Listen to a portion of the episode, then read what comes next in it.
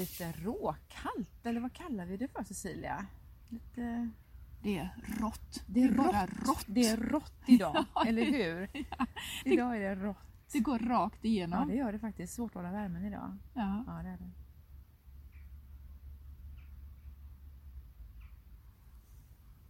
Den här veckan har vi haft tema behov. Och vad, vad är mest tydligt för dig när vi har hållit på med det och pratat om det den här veckan Cecilia? Att behov är svårt när det handlar eh, om oss själva. Det är lätt att se andras behov, men att se sina egna behov och känna signalerna. Tänker du att det hänger ihop lite med utmattning? Ehm, Ja, ja, på ett sätt hänger det ju ihop. Men ja, i samhället i stort eh, så tror jag det är så. För att man hinner inte stanna upp. Så därför tro, eh, ja, så jag tror att det är ett problem i samhället. För att man inte lyssnar till sina behov. Eh, och man vill gärna vara till lags till alla andra och tappa Mm. bort sig själv.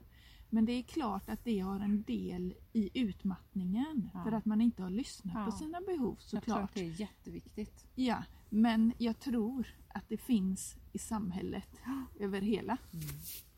Vi har ju en deltagare i gruppen som är expert på att ta hand om sina behov. Som vi ibland lite grann retar de andra deltagarna med att du får gå på kurs hos henne för hon kan hjälpa dig med det här. Och den här deltagaren skapar verkligen en sfär runt sig. Som är, det här är min, det här är min space liksom. Det här, det här, det här bestämmer jag. Här bestämmer jag. Och så utgår hon från sina behov. Och det här med taxiresorna har ju blivit en väldigt bra träningslokal. Att sitta i en sjukresebil hit har ju blivit en otroligt bra träningstillfälle. Ja, Tänker du på samma sak som jag tänker på nu? ja att, att man sitter där och det är alldeles för varmt i bilen. Det spelas hög musik eller musik som man inte klarar av att höra på men så klarar, vågar man inte säga någonting utan man bara tycker att man ska finna sig i det här. Ja, eller fundera på, är det här för mycket eller för lite? Triggas jag eller triggas jag inte? Kan jag tåla det här? Kan jag inte tåla det? Mycket spekulationer liksom. Ja. Mycket förhandlingar. För steget till att säga, skulle du kunna tänka att stänga av radion för jag är hjärntrött? Det är stort. Det är väldigt stort. Ja, det är väldigt det stort. förstår man. Att komma på, tycker jag om det här? Och sen tala om, det här tycker jag inte om. Det här mår jag inte väl av. Mm. Det, är, två stora steg. Så de där sjukresorna är ju en sån bra träningslokal. Fantastiskt alltså. Mm. Fler skulle åka taxi hit. Ur den aspekten skulle Ja. det vara så. Det skulle vara så. Är något mer du tänker på kring det här med behov som har kommit upp?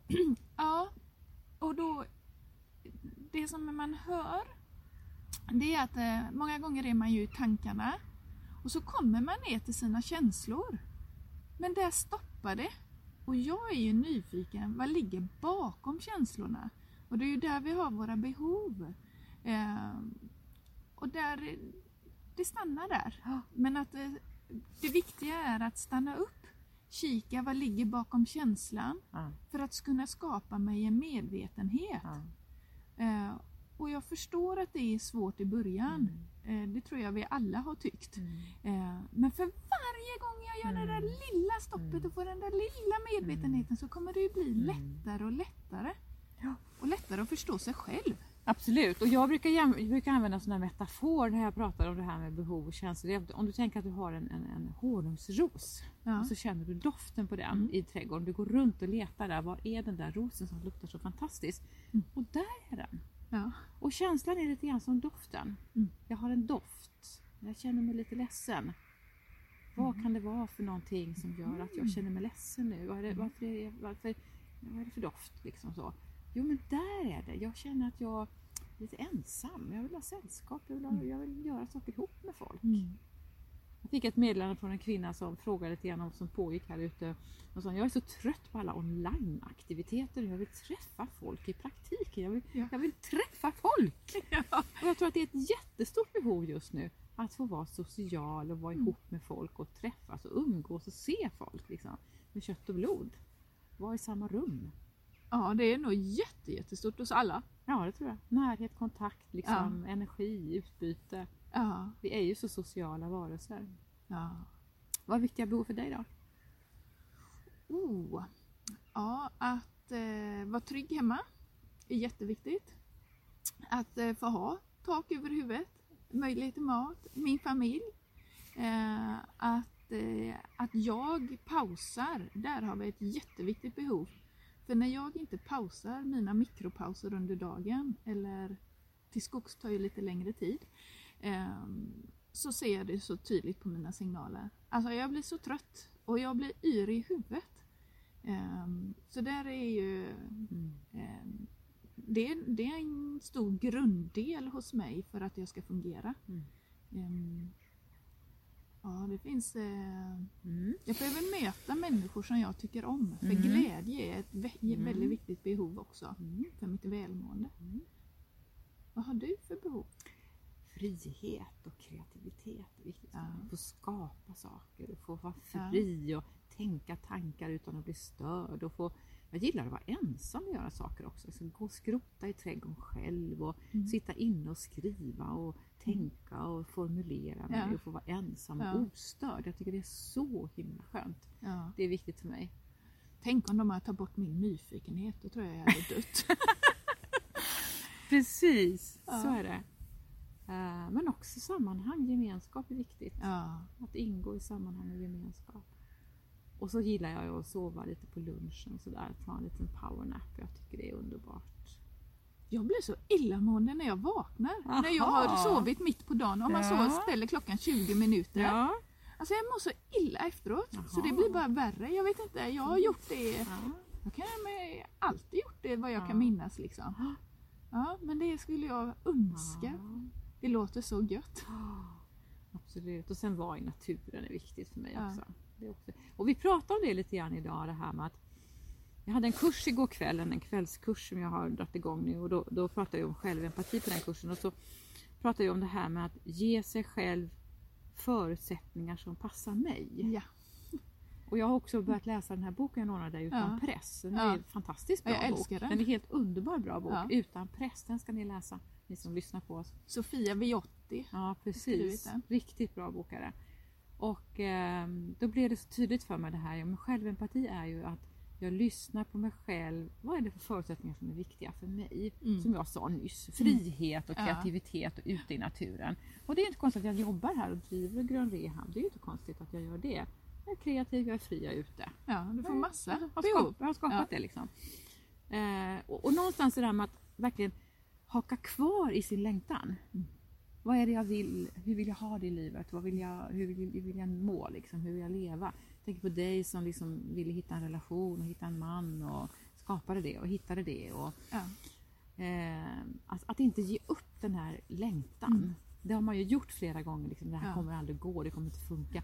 Ah, jag försöker en gång till. Det, det kommer nog att gå. Ja. Jag kämpar lite till. Att inte ge upp sin längtan, det är så centralt tycker jag.